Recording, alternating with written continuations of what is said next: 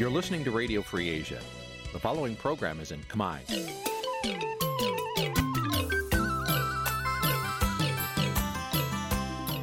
នេះជាកម្មវិធីផ្សាយ Vuthu Azizi Serai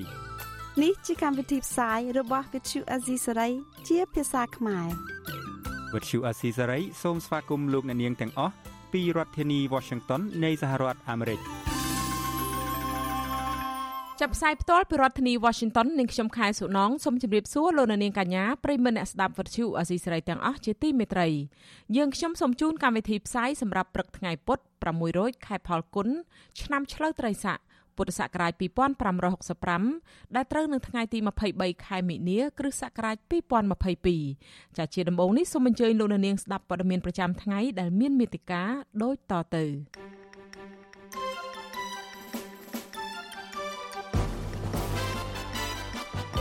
លោកហ៊ុនសែនរងការរិះគន់ជំទឹះរឿងហាមពលរដ្ឋខ្មែរមិនអោយស្ម័គ្រចិត្តជួយអ៊ុយក្រែន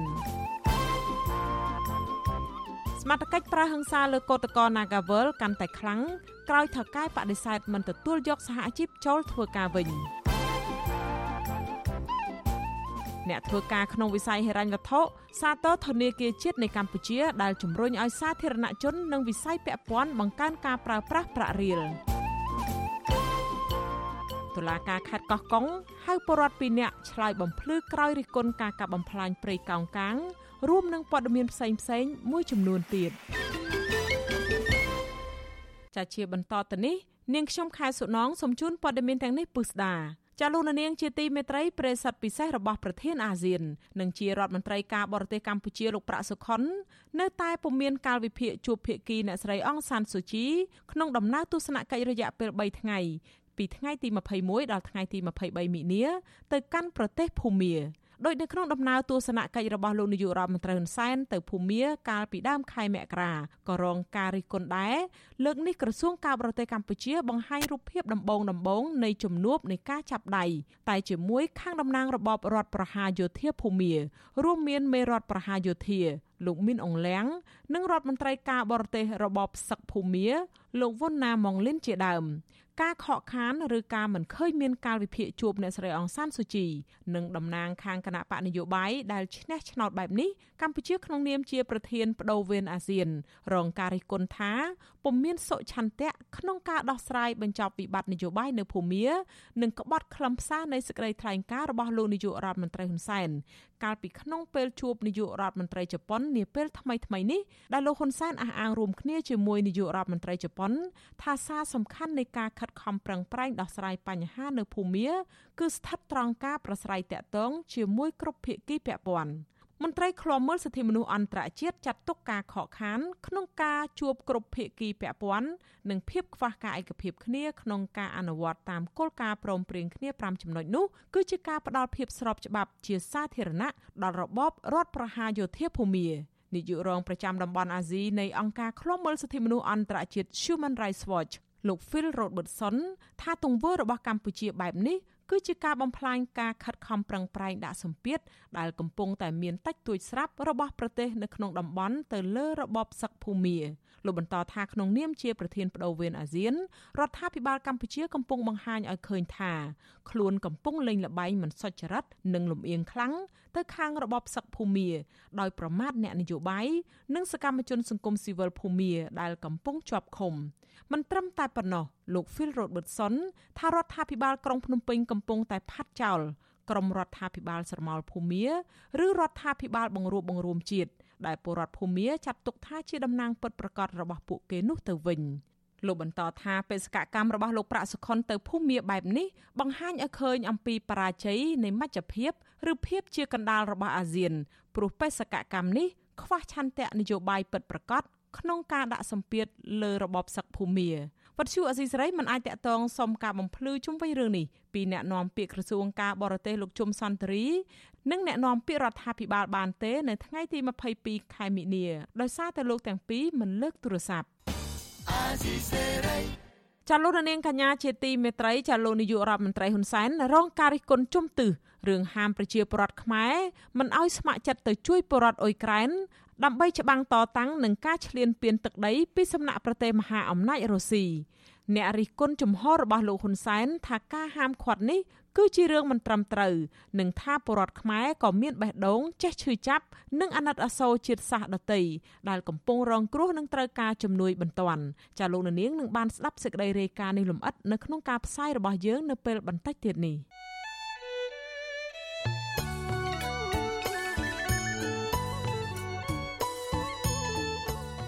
ចាលោករនាងកញ្ញាជាទីមេត្រីចាក្រៅពីលោករនាងទស្សនាការផ្សាយរបស់វិទ្យុអាស៊ីសេរីលើបណ្ដាញសង្គម Facebook និង YouTube ចាដំណើរគ្នានឹងការផ្សាយផ្ទាល់លោករនាងក៏អាចស្ដាប់វិទ្យុរលក ធាតុអាកាសខ្លីឬ Shortwave តាមកម្រិតនិងកម្ពស់ដូចតទៅនេះចាប់ពេលព្រឹកចាប់ពីម៉ោង5កន្លះដល់ម៉ោង6កន្លះតាមរយៈរលក ធាតុអាកាសខ្លី9390 kHz ស្មើនឹងកម្ពស់ 32m និង11850 kHz ស្មើនឹងកម្ពស់ 25m ពេលយប់ពីម៉ោង7កន្លះដល់ម៉ោង8កន្លះតាមរយៈរលកធាតុអាកាសខ្លី15155 kHz ស្មើនឹងកម្ពស់ 20m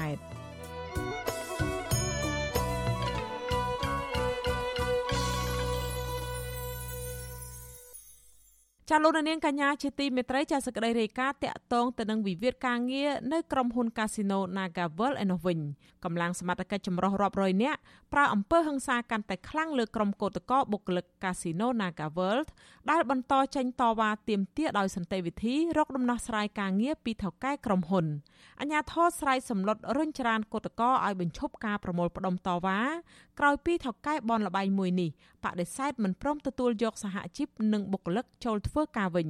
ចាអ្នកស្រីសុជីវីរាយការណ៍ព័ត៌មាននេះកម្លាំងអាជ្ញាធររាប់រយនាក់បង្កើនការប្រើអំពើហិង្សាដោយរុញច្រានបង្ខំឲ្យក្រុមកោតក្របុគ្គលិក Nagavel ជាង100នាក់ឡើងរថយន្តក្រុងហើយដឹកយកទៅទម្លាក់នៅតាមតំបន់ជាជារាជធានីភ្នំពេញនៅថ្ងៃទី22ខែមិនិនាកោតក្រនឹងជាបុគ្គលិកក្រុមហ៊ុន Nagavel កញ្ញាអានស្រី2ប្រាប់វិទ្យុអាស៊ីសេរីថានាងត្រូវកម្លាំងអាជ្ញាធរប្រើហិង្សារុញខ្ទប់ បោកធ្វើឲ្យជើងរបស់កញ្ញាគៀបនឹងទ្វាររថយន្តបណ្ដាលឲ្យរងរបួសធ្ងន់ធ្ងរកញ្ញាបន្តថាក្រុមអាជ្ញាធរដែលខ្លះពាក់ឯកសន្តានស៊ីវិលទាំងនោះបានបៀតបៀនលើរូបរាងកាយនិងប្រើពាក្យសម្ដីជេរប្រមាថលើរូបនាង និងកោតក្រដទៃទៀតដែលភ ieck ច្រើនសុទ្ធតែជាស្ត្រី។ ជាក់ស្ដែងថ្ងៃនេះវិញអាជ្ញាធរមកទាំងកំរោគឺប្រើអំពើហិង្សាមកទាំងពាក្យសម្ដីកាយវិការនិងអកប្បកិរិយារបស់គាត់គឺគឺនិយាយសាក់គ្នាអត់បានហ្មងគាត់មានទាំងវាយគាត់មានទាំងពាក្យជេរនិងប្រើអំពើហិង្សាមកលើពួកខ្ញុំដែលជាកោតក្រស្រីស្រីទាំងអស់ឆាន់តែឲ្យពួកខ្ញុំដែលជាកោតក្រគឺនៅតែរក្សាជំហរនិងដដែលបងលុះតែពួកខ្ញុំទទួលបានដំណោះស្រាយបងបានពួកខ្ញុំបញ្ឈប់ការធ្វើកោតកម្មកោតក្រម្នាក់ទៀតកញ្ញាស្រីណូប្រាប់ថាអញ្ញាធរបានសម្រុកមកវាយកញ្ញាទាំងកំរោលចំកណ្ដាលមុខបណ្ដាលឲ្យមានស្នាមជាំនៅលើភ្នែក កញ្ញាសោកស្ដាយចំពោះក្រុមអាជ្ញាធរដែលអនុវត្តទួលនីតិគ្មានវិជ្ជាជីវៈដោយប្រើអំពើហិង្សារារាំងក្រុមស្ត្រីទុនខ្សោយដោយគ្រាន់តែទាមទារសិទ្ធិសេរីភាពនៅក្នុងកន្លែងធ្វើការ។ អឺម្ដាយម្ដាយគាត់មកបងមិនមែនការរៀបរៀងធម្មតាណាបងគាត់ខ្ញុំគិតថាគាត់មានបំណងចង់វាយហ្មងព្យាយាមប៉ុនប៉ងវាយមកលើពួកខ្ញុំជាស្រីស្រីនឹងតែម្ដងបងការសោកស្ដាយចំពោះអាញាធមមែនតើដែលគាត់ដែលពួកគាត់ព្យាយាមរៀបរៀងពួកខ្ញុំដែលជាស្ត្រីដែលខ្ញុំអឺគ្រាន់តែតវ៉ាដើម្បីឆ្នាំងបាយរបស់ពួកខ្ញុំកញ្ញាបន្ថែមថាអាញាធរបានបញ្ជាឲ្យអ្នកបើករថយន្តក្រុងដឹកកូតតកទៅគ្រប់ទីកន្លែងក្នុងរាជធានីភ្នំពេញ រហូតដល់ម៉ោង6ល្ងាចទើបទម្លាក់ក្រុមកោតតកនៅចំណតឡានក្បែរទីលានប្រជាធិបតេយ្យដោយឲ្យកោតតករកមធ្យោបាយត្រឡប់ទៅផ្ទះរៀងខ្លួនកញ្ញាចាត់ទុកទង្វើរបស់អាញាធរបែបនេះថាបានរំលោភបំពានសិទ្ធិសេរីភាពជាមូលដ្ឋានរបស់ក្រុមកោតក្រនិងថាអាញាធរគឺជាអ្នកដែលឈរកាងការពីអំណាចឲ្យក្រុមហ៊ុនធ្វើបាបពលរដ្ឋ វិទ្យុអាស៊ីស្រីមិនអាចតាក់ទងអ្នកនាំពាក្យស្នងការនគរបាលរាជធានីភ្នំពេញលោកសានសុកសីហានិងអ្នកនាំពាក្យក្រសួងការងារលោកហេងសួរបានទេ នៅថ្ងៃទី22ខែមិនិនាកាលពីថ្ងៃទី21ខែមិនិនាតំណាងសហជីព5រូបនិងក្រុមកោតក្រជាង200នាក់សម្ដែងការសោកស្ដាយដែលភាគីក្រុមហ៊ុនបដិសេធមិនព្រមទទួលយកកម្មករជាង200នាក់និងសហជីព ឲ្យចូលធ្វើការងារវិញក្រសួងថាក្រុមហ៊ុននឹងមិនជជែកអំពីសំណើសុំទទួលយកបុគ្គលិកចូលធ្វើការងារវិញនេះទេដោយសារចំណុចនេះពាក់ព័ន្ធជាមួយនឹងក្រុមបុគ្គលិកមួយចំនួនតូចតែប៉ុណ្ណោះក្រុមកោតក្រថាពួកគាត់នឹងមិនគាំទ្រឲ្យតំណាងបន្តចរចាលើចំណុចផ្សេងទៀតឡើយប្រសិនបើភាគីក្រុមហ៊ុនមានចេតនារំលាយសហជីពនៅកន្លែងការងារក្រុមកោតក្រថាការបដិសេធរបស់ភាគីក្រុមហ៊ុនមិនទទួលយកសហជីពនិងកម្មករជាង200នាក់ឲ្យចូលធ្វើការវិញនេះ គឺក្រុមហ៊ុនមិនបានគោរពតាមលក្ខខណ្ឌនៅក្នុងការទៀមទាទាំង9ចំណុចនិងគ្មានឆន្ទៈដោះស្រាយវិវាទការងារឲ្យបានត្រឹមត្រូវតាមច្បាប់ឡើយជុំវិញរឿងនេះនាយកទទួលបន្ទុកកិច្ចការទូតនៃអង្គការសិទ្ធិមនុស្សលីកាដូលោកអំសំអាតមានប្រសាសន៍ថាការដែលក្រុមកោតក្របន្តចេញធ្វើកោតកម្មបែបនេះដោយសារតែការចរចាមានភាពចម្រូងចម្រាសនៅមិនទាន់បានផលជាវិជ្ជមាននៅឡើយលោកបន្តថាបើភាគីក្រុមហ៊ុន នៅតែចរចារកដំណោះស្រាយខ្វែងគំនិតគ្នាជាមួយថ្នាក់ដឹកនាំសហជីពវិវាទការងារនេះនឹងកាន់តែអូសបន្លាយពេលបន្ថែមទៀត។ជាចំណុចដែលយើងព្រួយបារម្ភថាបើសិនជាការដោះស្រាយស្វែងរកជួបមិនបានទេគឧតកគាត់នៅតែបន្តធ្វើអញ្ចឹងយើងបារម្ភទាក់ទងនឹងបញ្ហាបាតុភិបផ្សេងៗនេះជារឿងខាងក្រៅឬការចាប់ខ្លួននេះអាចនឹងកើតមានឡើងជាបន្តទៀតណាទោះជាយ៉ាងណាក្តីថ្នាក់ដឹកនាំសហជីពនិងភាគីក្រុមហ៊ុននឹងវិលចូលតុចរចាជាថ្មីទៀត នៅរសៀលថ្ងៃពុធទី23ខែមិនិនាក្រសួងការងារក៏បន្តជំរុញឲ្យភាគីទាំងពីរដាក់ពាក្យប្តឹងទៅតុលាការប្រសិនបើការចរចានេះនៅតែមិនអាចដោះស្រាយបានក្រុមកោតក្រយល់ថាបញ្ហាដែលក្រសួងជំរុញឲ្យដាក់ពាក្យប្តឹងទៅស្ថាប័នតុលាការនេះឆ្លុះបញ្ចាំងថាក្រសួងការងារមិនបានឈរលើភាពអព្យាក្រឹតនិងគ្មានឆន្ទៈជួយរកយុត្តិធម៌ជូនបុគ្គលិកក្រុមហ៊ុន Nagavel នោះឡើយ ក្រុមកោតក្រប្រកាន់ជំហរថាបើទោះបីជាមានការធ្វើទុកបុកម្នេញពីសំណាក់អាជ្ញាធរក៏ពួកគាត់នៅតែបន្តចេញតស៊ូធ្វើកោតកម្មរហូតដល់មានដំណោះស្រាយដែលអាចទទួលយកបាននិងទាមទារឲ្យថៃកែបញ្ឈប់ការរើសអើងសហជីពនៅកន្លែងធ្វើការនេះខ្ញុំសុជីវីវិទ្យុអាស៊ីសេរីពីរដ្ឋធានី Washington ចាលោកនាងកញ្ញាជាទីមេត្រីចាតកតងទៅនឹងរឿងគណៈបកភ្លើងទៀនឯនេះវិញមន្ត្រីជាន់ខ្ពស់គណៈបកភ្លើងទៀនថាការសម្រេចរបស់កោជបដែលលុបឈ្មោះបេក្ខជនក្រុមប្រឹក្សាឃុំសង្កាត់គណៈបកនេះ14នាក់ចេញពីបញ្ជីទាំងស្រុងតាមបណ្ដឹងរបស់មន្ត្រីគណៈបកប្រជាជនកម្ពុជាម្នាក់ គឺជារឿងនយោបាយច្រើនជាងការអនុវត្តនីតិវិធី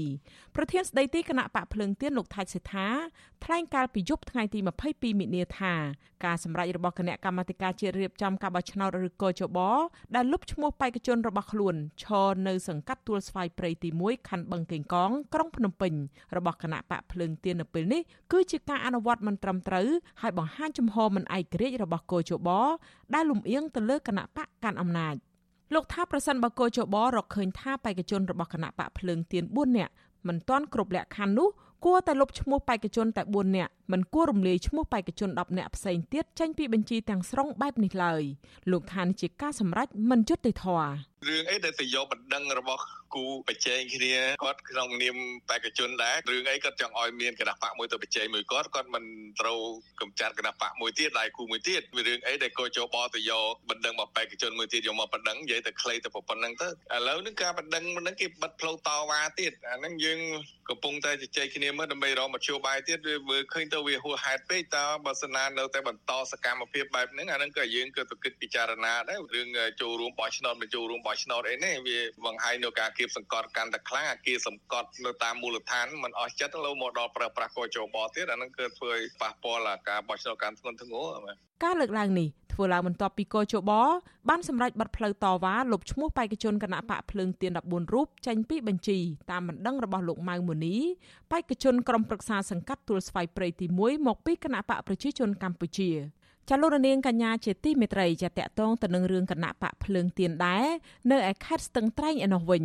មន្ត្រីនៃគណៈបកនេះកំពុងតាមដានសកម្មភាពរបស់ខ្លួនក្នុងករណីប្រជាការពារភូមិនិងអាជ្ញាធរឃុំបានគម្រាមបេក្ខជនឈរឈ្មោះបោះឆ្នោតឃុំសង្កាត់របស់គណៈបកភ្លើងទៀន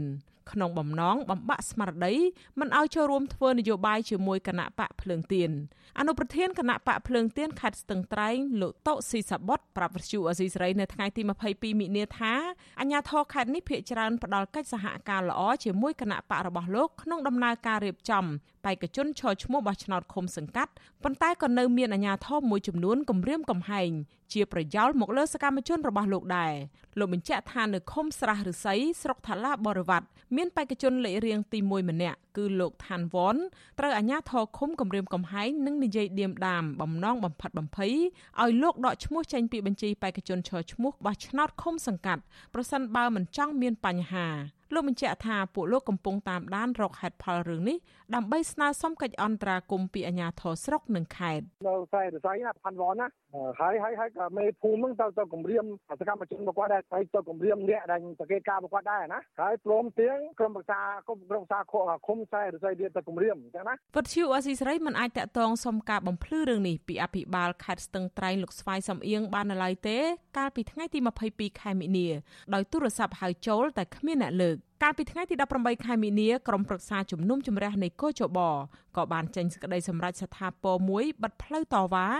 លុបឈ្មោះបេក្ខជនក្រុមប្រឹក្សាឃុំសង្កាត់របស់គណៈបកនេះចំនួន20រូបចេញពីបញ្ជីបេក្ខជនដំបូងរបស់បកនេះដែរកោជបអះអាងថាបេក្ខជនទាំងនោះភាកច្រើនឲ្យគេបំពេញប្រវត្តិរូបជំនួស ដោយខ្លួនមិនចេះអាននិងសរសេរអក្សរខ្មែរនិងបេក្ខជនខ្លះមិនបានចុះឈ្មោះក្នុងបញ្ជីឃុំសង្កាត់ដែលខ្លួនមានបំណងឈរឈ្មោះបោះឆ្នោតនិងបេក្ខជនខ្លះមិនបានចុះឈ្មោះក្នុងបញ្ជីឃុំសង្កាត់ដែលខ្លួនមានបំណងឈរឈ្មោះបោះឆ្នោតជាដើម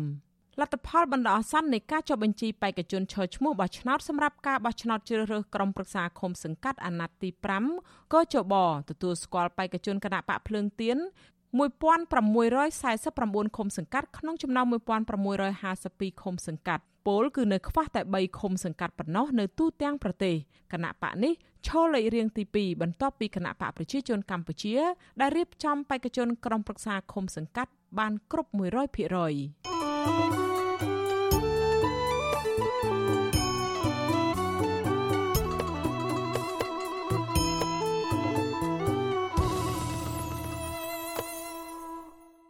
ចាលោករនាងកញ្ញាជាទីមេត្រីចាពីខេត្តកោះកុងវិញអាជ្ញាធរខេត្តនេះសន្យាថានឹងដោះស្រាយបញ្ចប់វិវាទដីធ្លីរវាងប្រជាប្រដ្ឋជាង1330គ្រួសារជាមួយក្រុមហ៊ុនវិនិយោគរបស់ចិន UDG ឲ្យចប់ត្រឹមដំណាច់ខែមីនានេះ សេចក្តីជូនដំណឹងរបស់សាលាខេត្តកោះកុងកាលពីថ្ងៃទី18ខែមិនិនាឲ្យដឹងថាអាជ្ញាធរខេត្តនឹងដោះស្រាយវិវាទនេះបែងចែកប្រជាពលរដ្ឋរងគ្រោះដីធ្លីនៅក្នុងស្រុកបតុមសាគរនិងស្រុកគិរីសាគរនេះជា3ប្រភេទដោយផ្អែកលើសេចក្តីជូនដំណឹងរបស់ខ្លួនកាលពីចុងឆ្នាំ2021ដំណោះស្រាយបែងចែកពលរដ្ឋ3ប្រភេទនោះរួមមានប្រជាពលរដ្ឋរស់នៅក្នុងទីតាំងវិនិយោគរបស់ក្រុមហ៊ុន មានចំនួន247គ្រួសារទទួលសំណងគោលនយោបាយ ជាដីលំនៅឋានទំហំកន្លះហិកតា ដីចម្ការ3ហិកតា និងថវិកា9000ដុល្លារប្រភេទទី2សម្រាប់ប្រជាពលរដ្ឋរស់នៅខុសមូលដ្ឋាន ឬខុសភូមិឃុំ មានចំនួន255គ្រួសារ ទទួលបានសំណងមានដីចំការទំហំ2ហិកតាក្នុងមួយគ្រួសារនិងមិនគិតពីចំនួនប្រជាពលរដ្ឋដែលមានដីកាន់កាប់ពីមុនថាមានចំនួនប៉ុន្មាននោះទេឯប្រភេទទី3នោះគឺប្រជាពលរដ្ឋដែលស្នើសុំគោលនយោបាយបន្ថែមមានចំនួន831គ្រួសារត្រូវទទួលបានសំណងដីទំហំ1ហិកតាក្នុងមួយគ្រួសារ សេចក្តីជូនដំណឹងរបស់សាលាខេត្តកោះកុងកាលពីខែតុលាឆ្នាំ2021នោះប្រមានថាប្រសិនបើប្រជាពលរដ្ឋទាំង3ប្រភេទនេះខកខានមិនទទួលយកការដោះស្រាយគោលនយោបាយតាមពេលវេលាកំណត់នេះទេអាជ្ញាធរជាតិដោះស្រាយទំនាស់ដីធ្លីនិងរដ្ឋបាលខេត្តកោះកុងចាត់ទុកថាប្រជាពលរដ្ឋបោះបង់ចោលសិទ្ធិទទួលយកការដោះស្រាយគោលនយោបាយរបស់រដ្ឋាភិបាល។ អាជ្ញាធរជាតិដោះស្រាយទំនាស់ដីធ្លីនិងរដ្ឋបាលខេត្តកោះកុងមិនទទួលខុសត្រូវនៅរាល់ការបាត់បង់ផលប្រយោជន៍របស់ប្រជាពលរដ្ឋនោះទេវិទ្យុអសីស្រីមិនទាន់អាចតាក់ទងប្រជាពលរដ្ឋរងគ្រោះដីធ្លីនិងមន្ត្រីសម្របសម្រួលអង្គការលីកាដូប្រចាំខេត្តកោះកុងលោកហ៊ូអ៊ីនដើម្បីសួរបន្ថែមអំពីគោលនយោបាយដោះស្រាយនេះបានទេនៅយប់ថ្ងៃទី22ខែមិនិនាប៉ុន្តែលោកហ៊ូអ៊ីនធ្លាប់ប្រាប់វិទ្យុអសីស្រីកន្លងមកថាអាញាធរខេត្តកោះកុងចេញគោលនយោបាយដោះស្រាយវិវាទដីធ្លីទាំង3ប្រភេទនេះគឺធ្វើឡើងមិនមានដំណាភាពនោះទេលោកបន្ថែមថាអាញាធរនិងក្រសួងដែនដី គួរស្វែងរកដំណោះស្រាយថ្មីល្អជាងនេះដែលស្របទៅនឹងទំហំដីជាក់ស្ដែងរបស់ពួកគាត់ដែលបានបាត់បង់ទើបចំនួនអាចបញ្ចប់ទៅបានក្រុមហ៊ុនចិន UDG Development Group បានទទួលដីសម្បត្តិសេដ្ឋកិច្ចនៅចំកណ្ដាលឧទ្យានជាតិបទុមសាគរក្នុងខេត្តកោះកុងសរុបចំនួនជាង45000ហិកតាពីរដ្ឋាភិបាលលោកហ៊ុនសែនកាលពីឆ្នាំ2008ដើម្បីសាងសង់ទីក្រុងទេសចរដ៏ធំមួយដែលត្រូវចំណាយទឹកប្រាក់ជិត4000លានដុល្លារ គម្រោងអភិវឌ្ឍនេះបានបណ្ដាលឲ្យប៉ះពាល់ដល់ប្រជាពលរដ្ឋជាង1300គ្រួសារត្រូវចាក់ចែងពីលំនៅឋានរបស់ខ្លួន កាលពីឆ្នាំ2021ក្រសួងរដ្ឋាភិបាលអាមេរិកបានសម្រេចដាក់ទណ្ឌកម្មក្រុមហ៊ុននេះក្រោមច្បាប់សកល Global Magnitsky Act ក្រោយពីរកឃើញថាក្រុមហ៊ុនចិនមួយនេះមានពាក់ព័ន្ធទៅនឹងអំពើពុករលួយ ច្បាមយកដីប្រជាពលរដ្ឋនិងរំលោភសិទ្ធិមនុស្សនៅកម្ពុជា។ កាលពីពេលថ្មីថ្មីនេះក្រមប្រជាពលរដ្ឋដែលមិនព្រមទទួលយកគោលនយោបាយដីធ្លីនេះស្នើសុំរដ្ឋាភិបាលបើកវេទិកាពិភាក្សាជាមួយប្រជាពលរដ្ឋនិងទាមទារផ្ដាល់សំណងសមរម្យដែលអាចទទួលយកបានប្រជាពលរដ្ឋប្រកាន់ជំហរថាប្រសិនបើអាជ្ញាធរមិនស្វែងរកផ្ដាល់ដំណោះស្រាយល្អជាងនេះទេពួកគាត់នឹងនាំគ្នាចេញតវ៉ាតាមស្ថាប័នរដ្ឋជាបន្តទៀតលុះត្រាទទួលបានដំណោះស្រាយសមរម្យ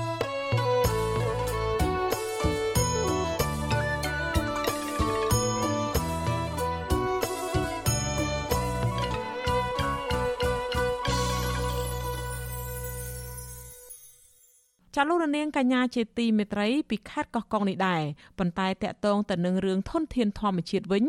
ពលរដ្ឋរស់នៅក្នុងខេត្តនេះពីរនាក់ដែលចេញមុខការពីព្រៃកោងកាំងនិងរិះគន់អាជ្ញាធរមិនអើពើបង្ក្រាបការបំផ្លាញព្រៃកោងកាំង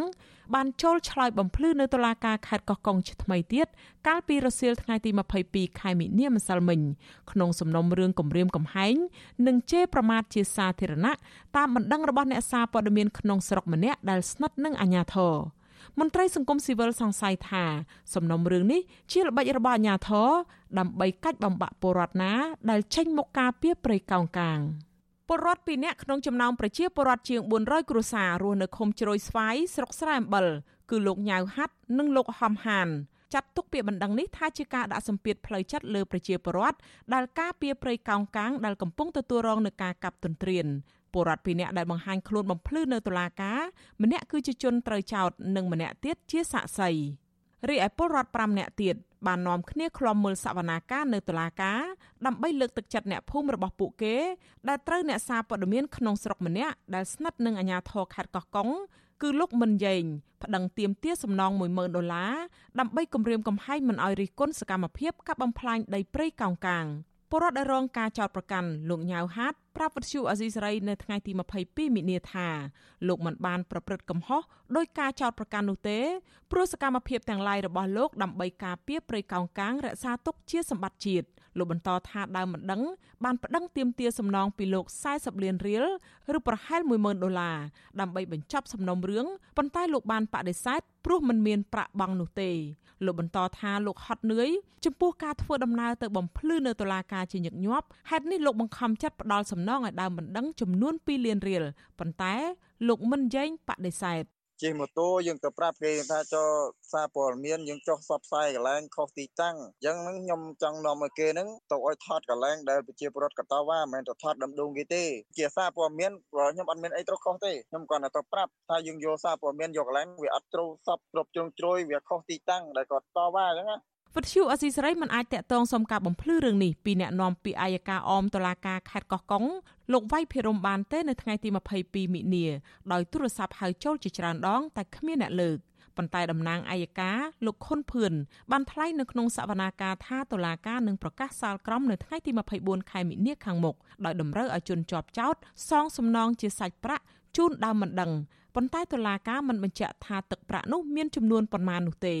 ពលរដ្ឋម្នាក់ដែលឃ្លាំមើលសវនាការនេះគឺលោកអ៊ុយសារុនសង្កេតឃើញថាកន្លងទៅពួកលោកបានប្តឹងជនសង្ស័យ5នាក់ដែលជាប់ពាក់ព័ន្ធទៅនឹងការរំលោភបំពានយកព្រៃកោងកាងទ្រង់ទ្រាយធំមកធ្វើជាកម្មសិទ្ធិប៉ុន្តែសំណុំរឿងនេះបែរជាស្ងាត់ជ្រងំទៅវិញ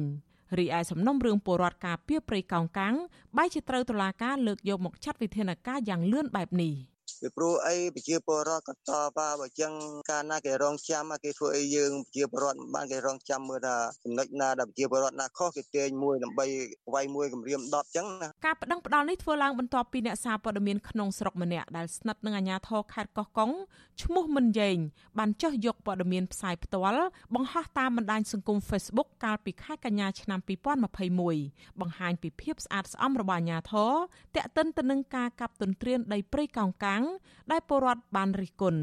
អ្នកភូមិអះអាងថាលោកមិនយែងព្យាយាមផ្សាយព័ត៌មានមិនពិតនិងបង្ហាញព្រៃកោងកាងដែលកាប់បំផ្លាញខុសទីតាំងធ្វើឲ្យពលរដ្ឋមិនសប្បាយចិត្តក៏ធ្វើដំណើរទៅដល់ផ្ទះអ្នកសារព័ត៌មានរូបនោះដើម្បីបង្ហាញការពិតក៏ត្រូវបានលោកមិនយែងប្តឹងពលរដ្ឋទៅតុលាការវិទ្យុអស៊ីសេរីមិនអាចតាក់ទងសុំការបំភ្លឺរឿងនេះពីដើមមិនដឹងគឺលោកមិនយែងបានឡើយទេនៅថ្ងៃដដែល ជុំវិញរឿងនេះមន្ត្រីសម្របសម្រួលសមាគមការពារសិទ្ធិមនុស្សអាត់ហុកខេត្តកោះកុងលោកថោងច័ន្ទអារាសង្ស័យថាសំណុំរឿងនេះគឺជាការរៀបចំទុករបស់អាជ្ញាធរដើម្បីបង្កបញ្ហាជាមួយក្រុមប្រជាពលរដ្ឋដែលហ៊ានចេញមុខតវ៉ាការពារព្រៃកោងកាងក្នុងបំណងបំផិតបំភ័យនិងគំរាមកំហែងគាត់គាត់ឃើញថាសារព័ត៌មានគាត់មិនទៅជួយប្រជាពលរដ្ឋទេពេលខ្លះគាត់ទៅដើម្បីដូចថារលុយរកកាក់អីចាយវាក្រៅរបស់គាត់នឹងវាខ្វះវិជ្ជាជីវៈទៅបាទកាលពីចុងខែសីហាឆ្នាំ2021អ្នកភូមិបានចុះទៅដល់ទីតាំងជាក់ស្ដែងប្រទះឃើញជនសង្ស័យ5នាក់កំពុងធ្វើសកម្មភាពកាប់ទន្ទ្រានព្រៃលិចទឹកហើយពួកគាត់បានបញ្ជូនឈ្មោះទៅឲ្យអាជ្ញាធរនិងប្តឹងទៅតុលាការប៉ុន្តែមកទល់ពេលនេះពុំទាន់ឃើញមានចំណាត់ការអ្វីនោះទេរីឯជនសង្ស័យទាំងនោះនៅតែបន្តកាប់ទន្ទ្រានព្រៃកោងកាងដដែលស្ថិតនៅក្នុងតំបន់ឆ្នេរសមុទ្រជ្រោយស្វាយនៃភូមិជ្រោយស្វាយលិចឃុំជ្រោយស្វាយស្រុកស្រែអំបិល អស់ជាង60ហិកតានៅរយៈពេលជិត1ឆ្នាំចុងក្រោយនេះគិតត្រឹមរសៀលថ្ងៃទី22ខែមិនិនាតំណាងអัยការអមសាលាដំបងខេត្តកោះកុងបានអនុញ្ញាតឲ្យពលរដ្ឋ2នាក់ត្រឡប់ទៅផ្ទះវិញក្រោយសួរនាំអស់ជាច្រើនម៉ោង។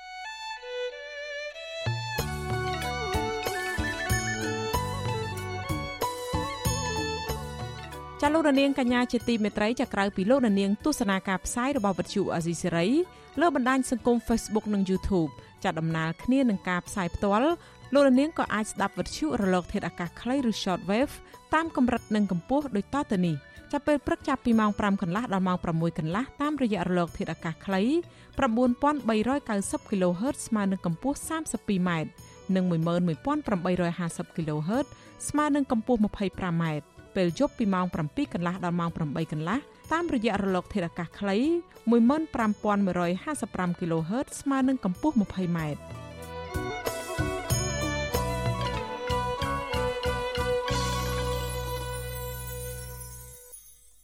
ចាលោកនាងកញ្ញាជាទីមេត្រីសមាគមនិស្សិតបញ្ញវន្តខ្មែរបានបដូរក្បាលម៉ាស៊ីនថ្មីដោយជ្រើសរើសអតីតសង្ឃធ្លាប់ជាប់ពន្ធនាគារឲ្យធ្វើជាប្រធានសមាគមនេះនិងមានការចូលរួមពីយុវជនមួយចំនួនទៀតដែលជាអ្នកធ្វើការងារបរិស្ថាននិងសង្គម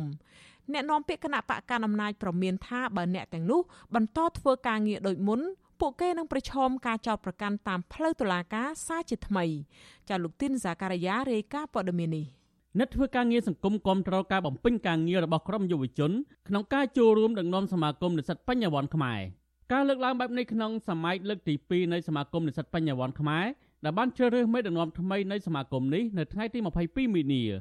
អតីតព្រះសង្ឃដែលធ្វើការងារសង្គមលោកកើតសរាយដែលបានជាប់ជាប្រធានសមាគមនេះលើកឡើងថាការងាររបស់សមាគមនិស្សិតបញ្ញវន្តខ្មែរដើម្បីបម្រើផលប្រយោជន៍សង្គមកសិករនិងបរិវត្តជាដើម លោកបន្តថាគោលដៅរបស់សមាគមជំរុញឲ្យនិស្សិតបញ្ញវន្តខ្មែរចូលរួមធ្វើសកម្មភាពនានាក្នុងសង្គមដើម្បីជំរុញឲ្យមានការអភិវឌ្ឍការគោរពសិទ្ធិមនុស្សលទ្ធិប្រជាធិបតេយ្យនិងទំនាក់ទំនងល្អជាមួយអង្គការសង្គមស៊ីវិលនិងអង្គទូតនានាបំណងរបស់សមាគមសម្ព័ន្ធនិស្សិតបញ្ញវន្តខ្មែរ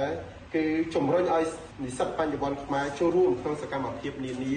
ដែលបម្រើដល់ផលប្រយោជន៍សង្គមនិងការរីកចម្រើនរបស់ប្រទេសជាតិតាមរយៈការអប់រំបណ្ដុះបណ្ដាល ចំណេះដឹងជំនាញលើកតម្កើងលទ្ធិប្រជាធិបតេយ្យការគោរពសិទ្ធិមនុស្សនិងនីតិរដ្ឋចូលរួមក្នុងកិច្ចការការពារបរិស្ថាននិងធនធានធម្មជាតិ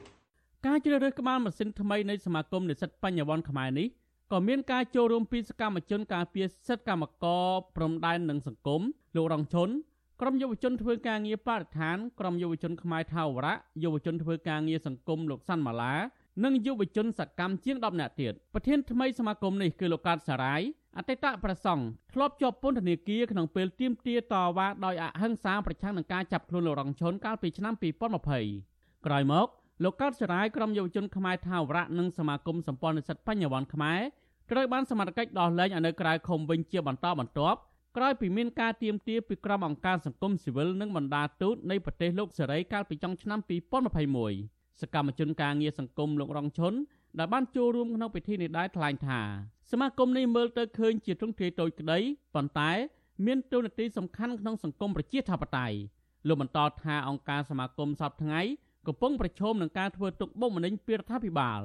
លោកអះអាងថាទោះជាការងារទាំងនេះដើរលើផ្លូវលំបាកបែបណាក្តីប៉ុន្តែលោកស្នើឲ្យយុវជនកុំបោះបង់ផ្លូវនេះចោលទោះបី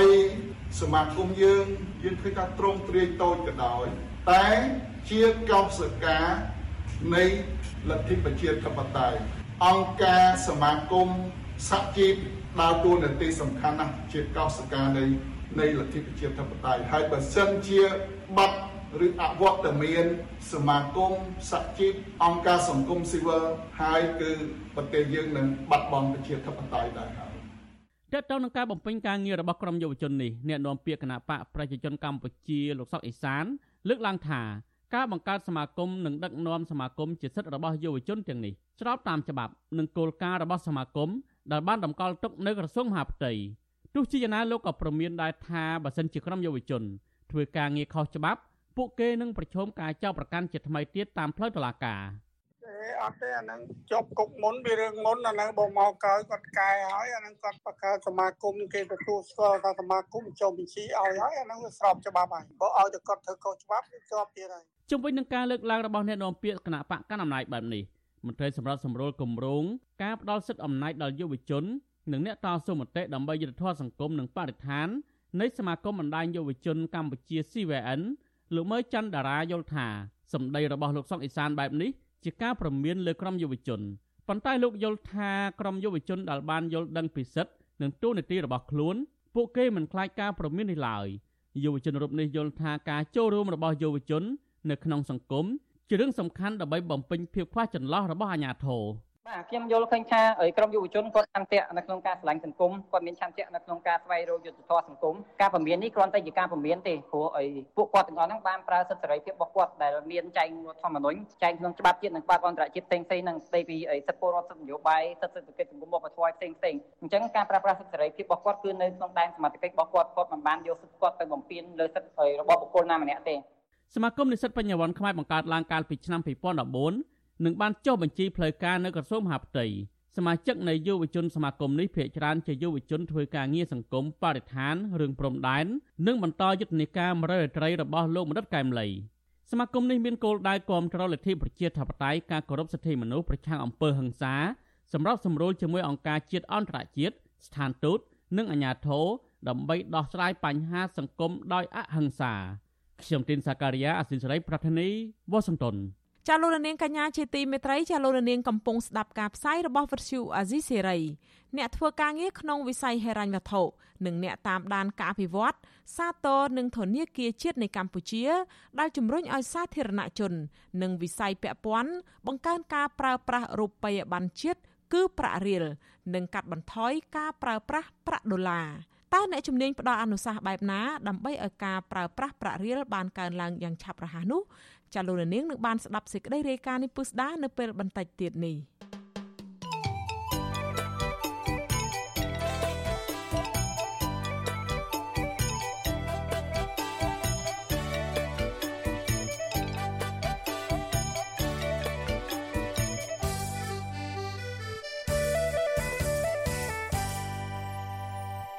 ចាលោកនាងកញ្ញាជាទីមេត្រីចារឿងដាច់ដោយឡែកមួយទៀតប្រមុខដឹកនាំរដ្ឋាភិបាលស្នើឲ្យក្រសួងសុខាភិបាលពិនិត្យលើលទ្ធភាពវះកាត់បដូរក្រលៀននៅក្នុងប្រទេសដោយសារបច្ចុប្បន្នកម្ពុជាក៏មានសមត្ថភាពធ្វើបានដែរគ្រាន់តែមិនបានផ្សព្វផ្សាយឲ្យបានទូលំទូលាយកន្លងមកដោយសារតែបារម្ភខ្លាចមានការជួញដូរក្រលៀនឬសរីរាង្គក្នុងពិធីសម្ពោធដែលប្រើប្រាស់ជាផ្លូវការនៅឯមន្ទីរពេទ្យមិត្តភាពកម្ពុជាចិនព្រះកុសមៈ កាលពីថ្ងៃទី21ខែមិនិនាលោកនាយករដ្ឋមន្ត្រីហ៊ុនសែនអះអាងថាកម្ពុជាមានលទ្ធភាពធ្វើការវះកាត់បដូរក្រលៀននៅមន្ទីរពេទ្យព្រះកេតុមាលា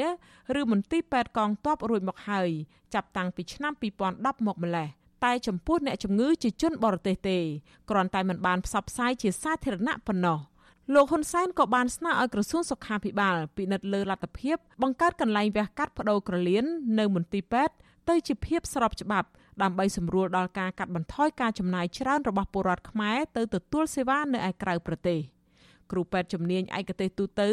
លោកវិជ្ជបណ្ឌិតហៀងរតនាម្ចាស់ clinic មេតា មានប្រសាសន៍ប្រាប់វិទ្យុអាស៊ីសេរីថាប្រជាពលរដ្ឋខ្មែរភ័យច្រើនដែលទៅធ្វើការវះកាត់បដូរក្រលៀននៅប្រទេសឥណ្ឌាត្រូវចំណាយប្រាក់ច្រើន គឺចន្លោះពី50,000ដុល្លារទៅ10,000ដុល្លារលោកបន្តថារដ្ឋាភិបាលត្រូវបង្កើតច្បាប់ត្រឹមត្រូវមុននឹងអនុញ្ញាតឲ្យមានការវះកាត់បដូរក្រលៀននៅក្នុងប្រទេសដើម្បីលុបបំបាត់ការជួញដូរសរីរាង្គឃើញ ខ្ញុំស្គាល់គាត់ដែរគាត់ត្រូវជាតាមភ័ក្រខ្ញុំគាត់ឯកទេសខាងកម្រងនងកលៀនរបស់គាត់30ឆ្នាំហើយអញ្ចឹងប្រហែលជារឿងនោះវាជាអាចកើតមានឡើងមិនមកមានឡើងហ្នឹងគឺល្អបំផុតសម្រាប់ប្រជាពលរដ្ឋខ្មែរយើងព្រោះយើងត្រូវដូរបើទៅចំណាយច្រើនគឺទៅអស់ចន្លោះដូរលីមួយអស់ចន្លោះអាច5ទៅ10ដុល្លារអញ្ចឹងបើមាននៅស្រុកខ្មែរមកតែបើមានវាត្រូវចេញច្បាប់ចេញអីទៀតក្នុងការចរាចរណ៍គឺក្នុងអីមនុស្សព្រោះវាអាច ជាអំពើខុសច្បាប់អីផ្សេងផ្សេងនៅពេលដែលអានឹងកាន់លំជលាយចំណែកឯអគ្គរដ្ឋទូតចិនប្រចាំកម្ពុជា លោកវាងវិនធាន ដែលបានចូលរួមនៅក្នុងពិធីសម្ពោធមន្ទីរពេទ្យមិត្តភាពកម្ពុជាចិនព្រះកុសមៈនេះដែរជឿជាក់ថាមន្ទីរពេទ្យនេះនឹងត្រូវចំណាយពេល3ឆ្នាំ ដើម្បីសាងសង់និងថវិកា80លានដុល្លារអាមេរិកជាជំនួយរបស់ចិននឹងរួមចំណែកយ៉ាងសំខាន់ក្នុងការបម្រើសេវាសុខាភិបាលជូនដល់ប្រជាជនកម្ពុជា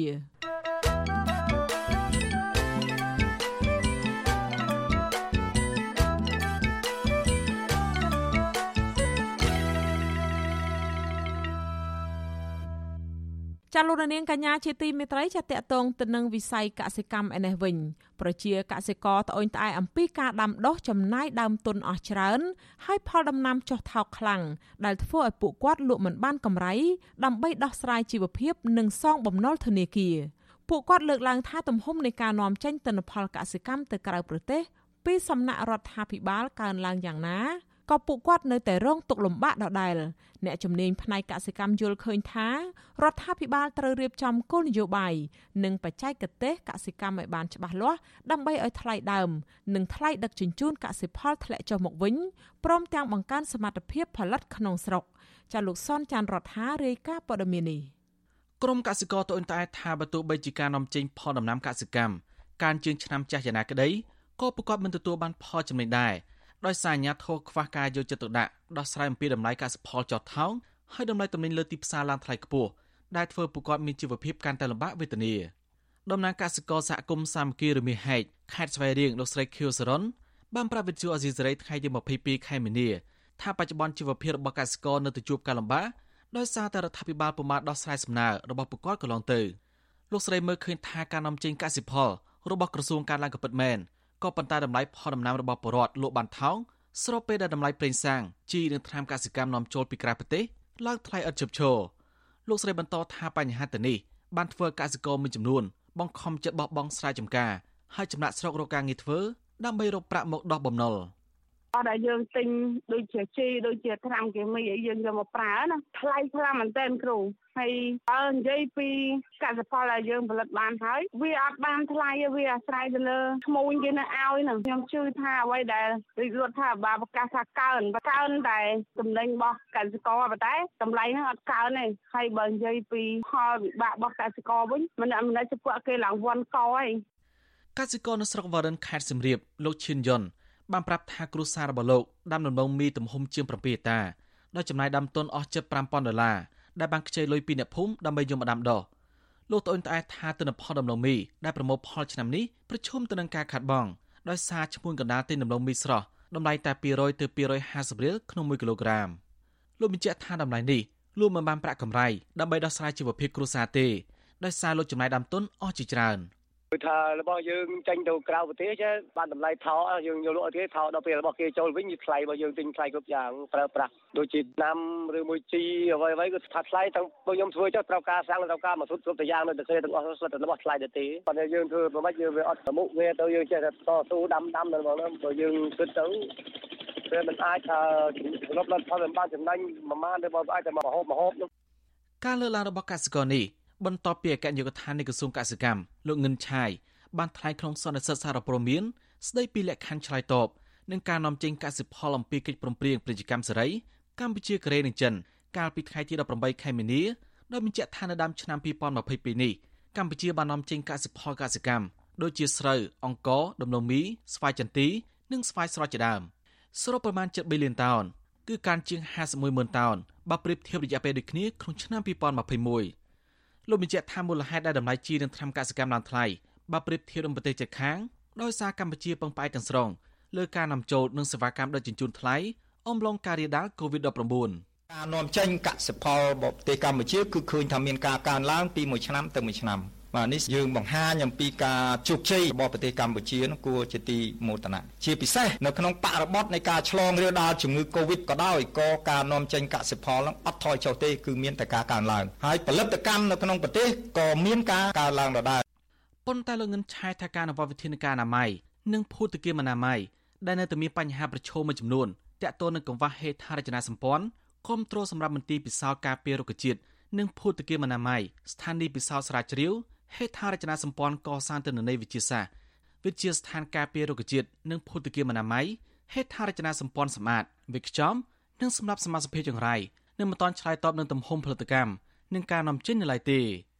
កាលពីដើមខែមករាធនាគារជាតិរំពឹងថាការបន្តងើបឡើងវិញនៃសេដ្ឋកិច្ចពិភពលោកនឹងជួយដល់ការនាំចេញរបស់កម្ពុជា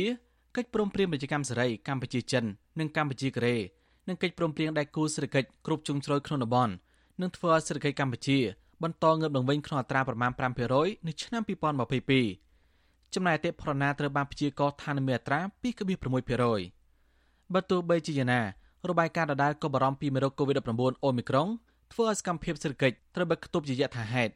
ការកើនឡើងបំណុលអាជីវកម្មនិងគ្រួសារភាពតានតឹងក្នុងភូមិសាស្ត្រនយោបាយនិងពាណិជ្ជកម្មនិងការប្រែប្រួលអាកាសធាតុជាដើម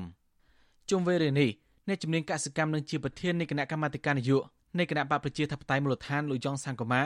មើលឃើញថាវិស័យកសិកម្មកម្ពុជា កំពុងបម្រើឲ្យប្រព័ន្ធសេដ្ឋកិច្ចប្រទេសជិតខាងទាំងការនាំចេញផលដំណាំនិងការនាំចូលចំណីសត្វថ្នាំនិងជីកសិកម្មជាដើមលោកបញ្ជាក់ថាទំហំនៃការនាំចេញទិន្នផលកសិកម្មការឡើងពេលនេះគ្រាន់តែជាតួលេខល្អមើលប៉ុណ្ណោះក៏ប៉ុន្តែជាក់ស្ដែងប្រជាកសិករមិនទទួលបានផលចំណេញទេដោយសារការចំណាយលើថ្លៃដើមខ្ពស់ហើយទិន្នផលលក់បានទាបលោកថាបញ្ហានេះរដ្ឋាភិបាលត្រូវអន្តរាគមន៍រត់ដំណោះស្រាយជូនកសិករដោយរៀបចំក្របខ័ណ្ឌគោលនយោបាយនិងបច្ចេកទេសកសិកម្ម ធ្វើយ៉ាងណាឲ្យថ្លៃដើមនិងថ្លៃដឹកជញ្ជូនធ្លាក់ចុះហើយបង្កើនសមត្ថភាពផលិតក្នុងស្រុកជាដើម។ បញ្ហានេះវាធ្ងន់ធ្ងរទៅធ្ងន់ធ្ងរទៅណាពីឆ្នាំទៅឆ្នាំហើយវាទាមទារត្រូវមានដំណោះស្រាយជូនដល់កសិករជូនដល់កសិកម្មយើងធ្វើម៉េចឲ្យថ្លៃដើមផលិតនឹងថ្លៃដើមថ្លៃដឹកហ្នឹងមានការថយចុះហើយធ្វើម៉េចបង្កើនសមត្ថភាពកែច្នៃក្នុងស្តុកដើម្បីយើងបានតម្លៃខ្ពស់ហើយនឹងសល់ធរធាតុដើមសល់រូបផលយើងមកប្រើប្រាស់អញ្ចឹងបានយើងអាចទៅរួចបើយើងធ្វើរបៀបហ្នឹងយើងប្រើពាក្យធ្ងន់ថែមទៀតដូចថាធ្វើទេសកលគេលើដីខ្លួនឯងបើទោះបីជាយ៉ាងណាកសិករស្នើយ៉ាងទទូចដល់រដ្ឋាភិបាលនិងស្ថាប័នពាក់ព័ន្ធ រៀបចំគោលនយោបាយធានាតម្លៃកសិកម្មបញ្ចុះតម្លៃថ្នាំនិងជីកសិកម្មនិងប្រេងសាំងជាចាំបាច់ដើម្បីជួយលើកស្ទួយជីវភាពប្រកបឲ្យបានល្អប្រសើរពួកក៏បារម្ភថាបើសិនរដ្ឋាភិបាលមិនដោះស្រាយបញ្ហាទៅនេះតាន់ពេលវេលាទេនឹងប៉ះពាល់ធ្ងន់ធ្ងរដល់ជីវភាពកសិករទូទាំងប្រទេសនិងធ្វើពួកគេបាត់បង់ដីស្រែចម្ការចំណាក់ស្រុកនិងជំពាក់បំណុលកាន់តែច្រើនបន្ថែមទៀតខ្ញុំសនចាររថាវិទ្យុអេស៊ីសេរីរាយការណ៍ពីរដ្ឋធានីវ៉ាស៊ីន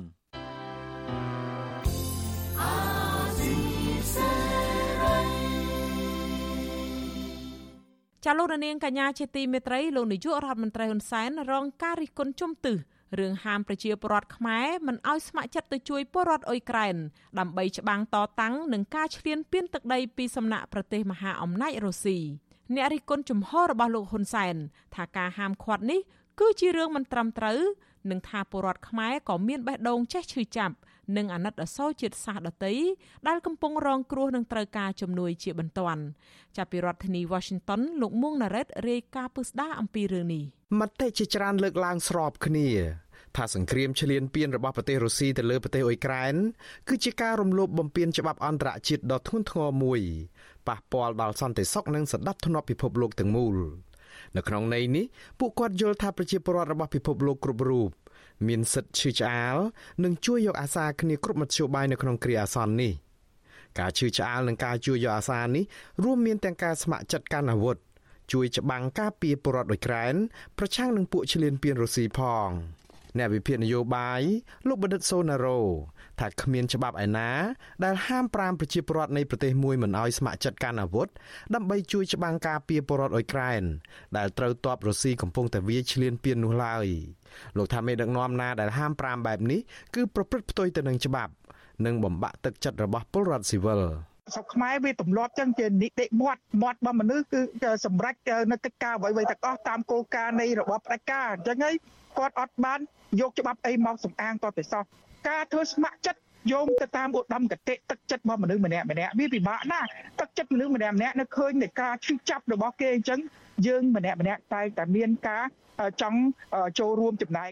ការចង់ចូលរួមចំណែកនេះគឺជាទឹកចិត្តស្មោះសររបស់ប្រជាពលរដ្ឋពិតប្រាកដ ដែលធ្លាប់ឆ្លងកាត់ទុក្ខលំបាកនេះពលរដ្ឋខ្មែរម្នាក់រស់នៅប្រទេសកូរ៉េខាងត្បូងលោកតារាថាប្រទេសកម្ពុជាធ្លាប់មានសង្គ្រាម និងប្រជាពលរដ្ឋខ្មែរធ្លាប់ស្គាល់រសជាតិនៃភាពអាសន្ននេះទើបធ្វើឲ្យលោកនឹកអាណិតដល់ប្រជាពលរដ្ឋអ៊ុយក្រែនពេលមួយពេលដែលជួបការលំបាកត្រូវការអ្នកជួយច្រើនណាស់អញ្ចឹងយើងអត់មានលទ្ធភាពអីយើងអាចជួយត្រឹមខ្លួនយើងគឺថាពេលខ្លះយើងអាចលះបង់បានយើងត្រូវតែលះបង់ដើម្បីជាតិទាំងអស់គ្នាណាមិនមែនត្រឹមតែជាតិតែយើងទេណា ចឹងយើងក៏មិនអាចរស់នៅតែខ្លួនយើងម្នាក់ឯងបានដែរបើមិនគឺខ្ញុំមានឱកាសក៏ខ្ញុំអាចជាទាហានចូលទៅអ៊ុយក្រែនបានប្រតិកម្មទាំងនេះធ្វើឡើងក្រោយលោកនាយរដ្ឋមន្ត្រីហ៊ុនសែនបានថ្លែងសារជាសាធារណៈជាបន្តបន្ទាប់ដោយហាមផ្ដាច់មិនឲ្យប្រជាពលរដ្ឋខ្មែរណាម្នាក់ស្ម័គ្រចិត្តទៅជួយច្បាំងនៅអ៊ុយក្រែននោះឡើយលោកថាច្បាប់កម្ពុជាមិនអនុញ្ញាតឲ្យធ្វើដូច្នេះនោះទេ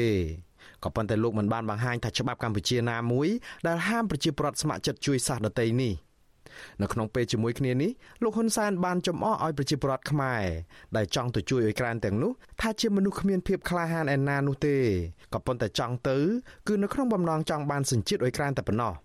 ខ្ញុំនៅតែមិនអនុញ្ញាតឲ្យប្រជាពលរដ្ឋកម្ពុជាធ្វើទាហានស្ម័គ្រចិត្តទៅច្បាំងនៅអ៊ុយក្រែនប្រទេសណាទៅទៅទៅប៉ុន្តែពលរដ្ឋកម្ពុជាហាមអ្នកខ្លះចង់បានសញ្ជាតិអ៊ុយក្រែនទៅមួយផ្លេតទៅហើយត្រឡប់មកវិញអានោះទៅទៅ តែគេបាញ់រត់រវល់យកស្កប់សាហាយវាគិតត្រឹមថ្ងៃទី6ខែមីនា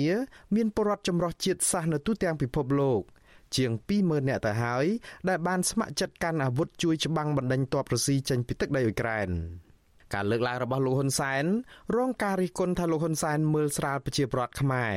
ដែលអាចពូកែនៅក្នុងរឿងសង្គ្រាមជាងពលរដ្ឋអ៊ុយក្រែនទៅទៀតព្រោះកម្ពុជាធ្លាប់ឆ្លងកាត់សង្គ្រាមច្រើនចំនួនមកហើយ។ ជាងនេះទៅទៀតពួកគេមិនជឿថារឿងបានសញ្ជាតិអ៊ុយក្រែននោះគឺជារឿងសំខាន់នៅក្នុងការដែលប្រជាពលរដ្ឋចង់ស្ម័គ្រចិត្តទៅជួយពលរដ្ឋអ៊ុយក្រែននោះឡើយព្រះដេចប្រគុណយូហុតខេមចារោដែលគង់នៅប្រទេសបារាំងមានថរដីកាថាសាររបស់លោកហ៊ុនសែនបែបនេះគឺមិនទំនងតទៅសោះព្រោះសញ្ជាតិអ៊ុយក្រែននោះដូចជាមិនអស់ចាអ្វីនោះផងទោះនរណាបានសញ្ជាតិនោះក៏ដោយ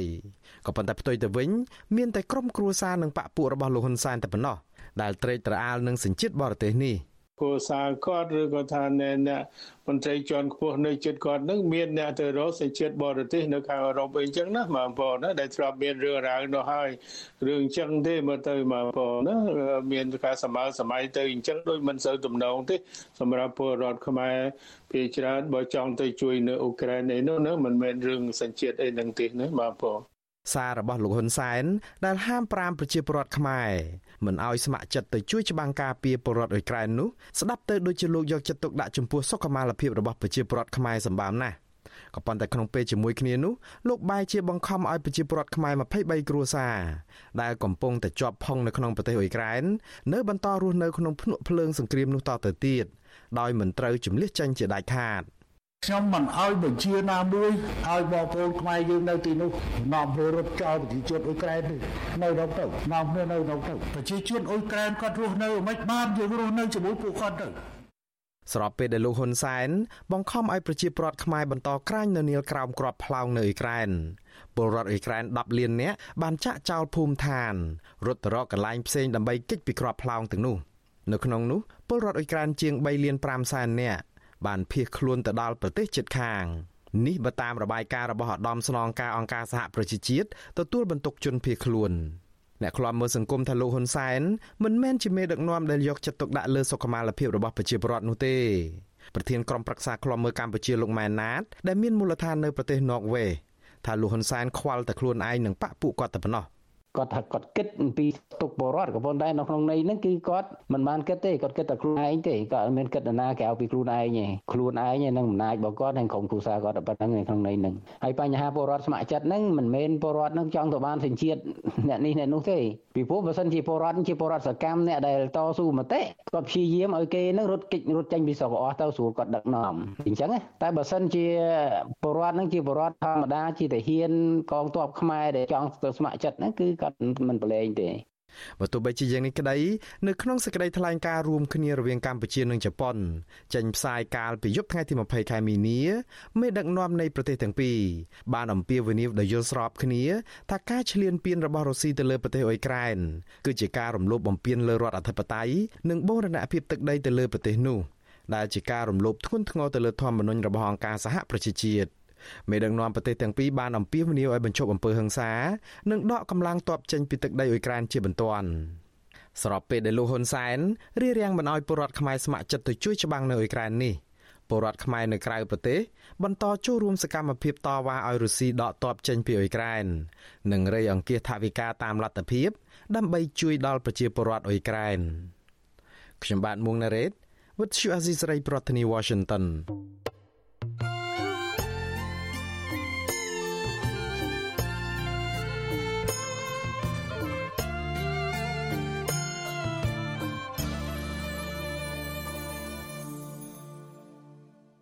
ចាលោកនាងកញ្ញាជាទីមេត្រីអ្នកធ្វើការក្នុងវិស័យហិរញ្ញវត្ថុនិងអ្នកតាមដានការអភិវឌ្ឍសាទរនឹងធនាគារជាតិនៃកម្ពុជា ដែលជំរុញឲ្យសាធារណជន និងវិស័យពាក់ព័ន្ធបង្កើនការប្រើប្រាស់រូបិយប័ណ្ណជាតិគឺប្រាក់រៀលនិងកាត់បន្ថយការប្រើប្រាស់ប្រាក់ដុល្លារតែទោះជាយ៉ាងណា អ្នកជំនាញមើលឃើញថា បន្ថែមពីការជំរុញលើកទឹកចិត្តនោះកម្ពុជាត្រូវដោះស្រាយបញ្ហាចម្បងចម្បងមួយចំនួន ដើម្បីឲ្យការប្រើប្រាស់ប្រាក់រៀលបានកើនឡើងយ៉ាងឆាប់រហ័សចាអ្នកស្រីសុជីវីមានសេចក្តីរាយការណ៍លម្អិតអំពីរឿងនេះកម្ពុជាអាចជំរុញការប្រើប្រាស់ប្រាក់រៀលឲ្យបានឆាប់រហ័សដោយការបង្កើតក្របខ័ណ្ឌច្បាប់តម្រូវឲ្យប្រើប្រាស់តែប្រាក់រៀលនៅក្នុងស្រុកកាត់បន្ថយបញ្ចុះបដូរប្រាក់សេរីគ្រប់ទីកន្លែង បង្កើនការផ្សព្វផ្សាយពីទំនុកចិត្តចាយប្រាក់រៀលនិងបង្កើនគុណតម្លៃប្រាក់រៀលដែលអាចបានការទទួលស្គាល់ពីបណ្ដាប្រទេសនៅក្នុងតំបន់ការលើកឡើងនេះបន្ទាប់ពីធនាគារជាតិនៃកម្ពុជាកាលពីថ្ងៃទី20ខែមិនិនាដែលជាថ្ងៃរំលឹកខួបដាក់ឲ្យប្រើប្រាស់ប្រាក់រៀលឡើងវិញនោះបានអំពាវនាវឲ្យក្រសួងស្ថាប័នរោងចក្រសហគ្រាសគ្រឹះស្ថានហិរញ្ញវត្ថុប្រជាជនទូទៅនិងគ្រប់ភាគីពាក់ព័ន្ធរួមចំណែកប្រើប្រាស់ប្រាក់រៀលនៅក្នុងប្រតិបត្តិការរបស់ខ្លួន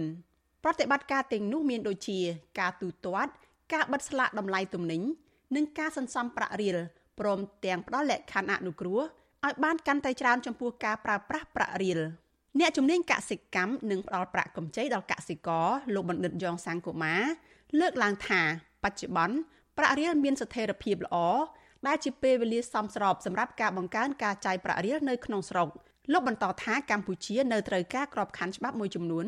ដែលគាំពៀដល់ការបង្កើនការប្រើប្រាស់ប្រាក់រៀលនេះលោកយ៉ងសាំងកូម៉ាក៏គាំទ្រការបង្កើនការផ្សព្វផ្សាយពីអត្ថប្រយោជន៍នៃការចូលរួមប្រើប្រាស់ប្រាក់រៀលនឹងហើយវាទៅផ្សារភ្ជាប់មួយធានការច្បាប់ឯមួយចំនួនណាការអនុវត្តជាក់ស្ដែងកន្លងមកហ្នឹងហាក់ដូចជាវាមិនទាន់បានអឺទលំទលាអញ្ចឹងវាទម្លាប់ហ្នឹងចេះតែបន្តរហូតដល់ ពេលហ្នឹង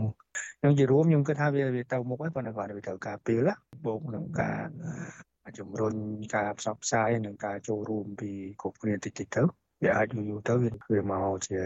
រឿងធម្មតាវិញការប្រើប្រាស់លុយរៀលទូទៅបាទកម្ពុជាបានបង្កើតក្រដាស់ប្រាក់រៀលលើកដំបូងនៅក្នុងឆ្នាំ1955គឺនៅក្នុងសម័យសង្គមរាស្ត្រនិយម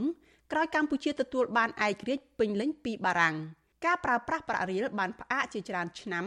នៅពេលដែលខ្មែរក្រហមកាន់អំណាចប្រាក់រៀលត្រូវដាក់ឲ្យប្រើប្រាស់ឡើងវិញនៅពេលធនាគារជាតិដំណើរការឡើងវិញកាលពីថ្ងៃទី20ខែមិនិនាឆ្នាំ1980មកដល់ឆ្នាំ1992គឺក្រោយមានកិច្ចព្រមព្រៀងសន្តិភាពទីក្រុងប៉ារីនិងការបើកឲ្យមានវិនិយោគបរទេសចូលមកកម្ពុជារួមនឹងការផ្តល់ជំនួយហិរញ្ញវត្ថុទាំងឡាយពីបណ្ដាបរទេសដែលជួយកម្ពុជា ជាពិសេសប្រទេសលោកខាងលិចកម្ពុជាចាប់ផ្ដើមប្រើប្រាស់ប្រាក់ដុល្លារអាមេរិក ចាប់ពីពេលនោះមក ប្រាក់ដុល្លារបានចាក់ឫសជ្រាបចូលគ្រប់សរសៃឈាមសេដ្ឋកិច្ចកម្ពុជានិងគ្របដណ្ដប់ស្ទើរតែទាំងស្រុងលើការចរាចររូបិយប័ណ្ណនៅទូទាំងប្រទេសស្របពេលដែលនៅតាមព្រំដែនកម្ពុជាវៀតណាមប្រើប្រាស់លុយដុងវៀតណាមឯតាមព្រំដែនកម្ពុជាថៃប្រើប្រាស់ប្រាក់បាតថៃពលរដ្ឋអាចបដូរប្រាក់រៀលនិងដុល្លារនៅគ្រប់ទីកន្លែងមិនថានៅទីក្រុងឬស្រុកស្រែចម្ការឡើយពលរដ្ឋជាច្រើនប្រើពាក្យរៀលជំនួសឲ្យដុល្លារ គឺគេចាយប្រាក់ដុល្លារតែគេថាជារៀល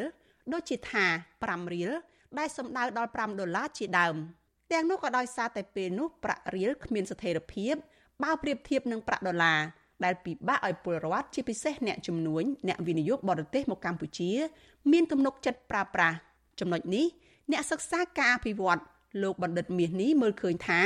ចាំបាច់ត្រូវភាគីពាក់ព័ន្ធកាត់បន្ថយបញ្ចូលបដូរប្រាក់គ្រប់ទីកន្លែង ដែលអាចឲ្យពលរដ្ឋងាយស្រួល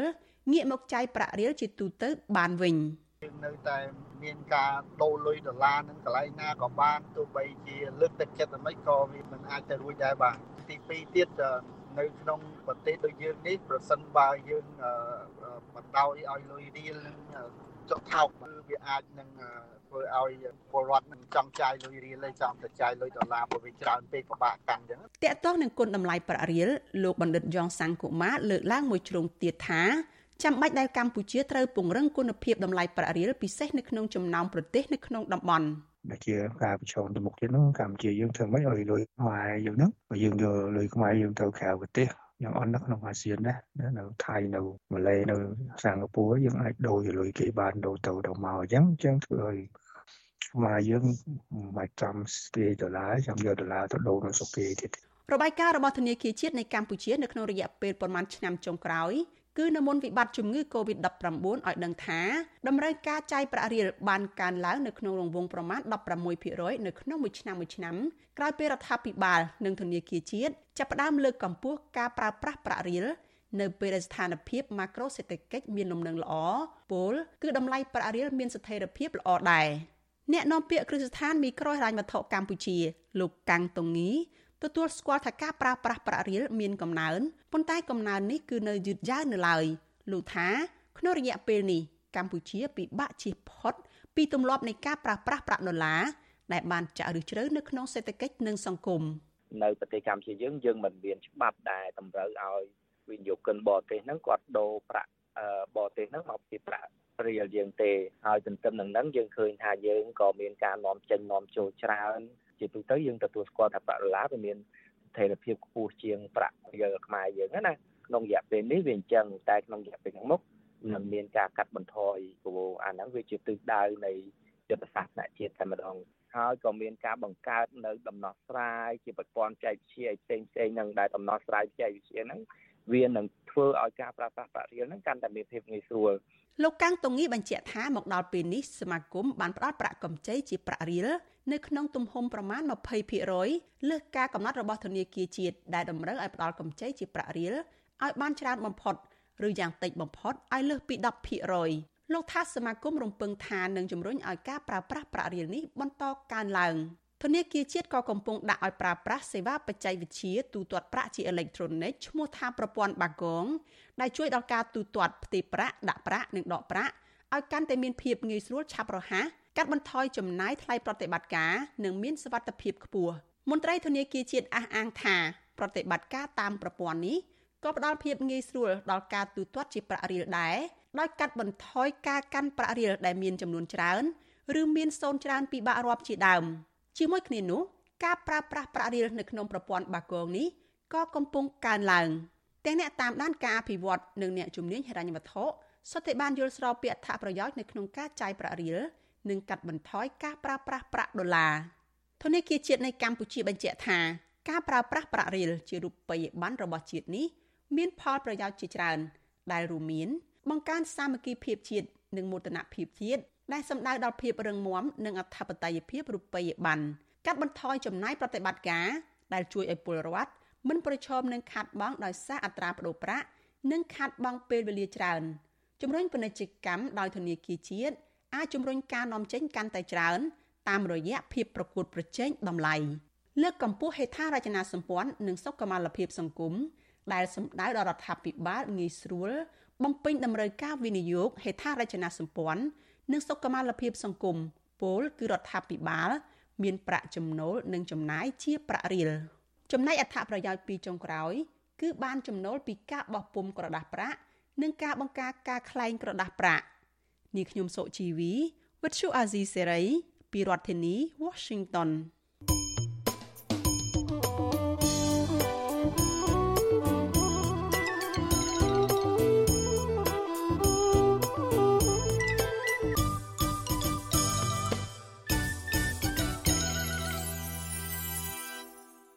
ចាលោករនាងកញ្ញាជាទីមេត្រីការផ្សាយរយៈពេល1ម៉ោងមកនេះបានឈានមកដល់ទីបញ្ចប់ហើយចានាងខ្ញុំសូមជូនពរដល់លោករនាងកញ្ញាទាំងអស់ឲ្យជួបប្រកបតែនឹងសេចក្តីសុខចម្រើនរុងរឿងកំបីគ្លៀងគ្លាតឡើយចាសម្រាប់ពេលនេះនាងខ្ញុំខែសុណងព្រមទាំងក្រុមការងារទាំងអស់នៃវិទ្យុអាស៊ីសេរីសូមអរគុណនិងសូមជម្រាបលា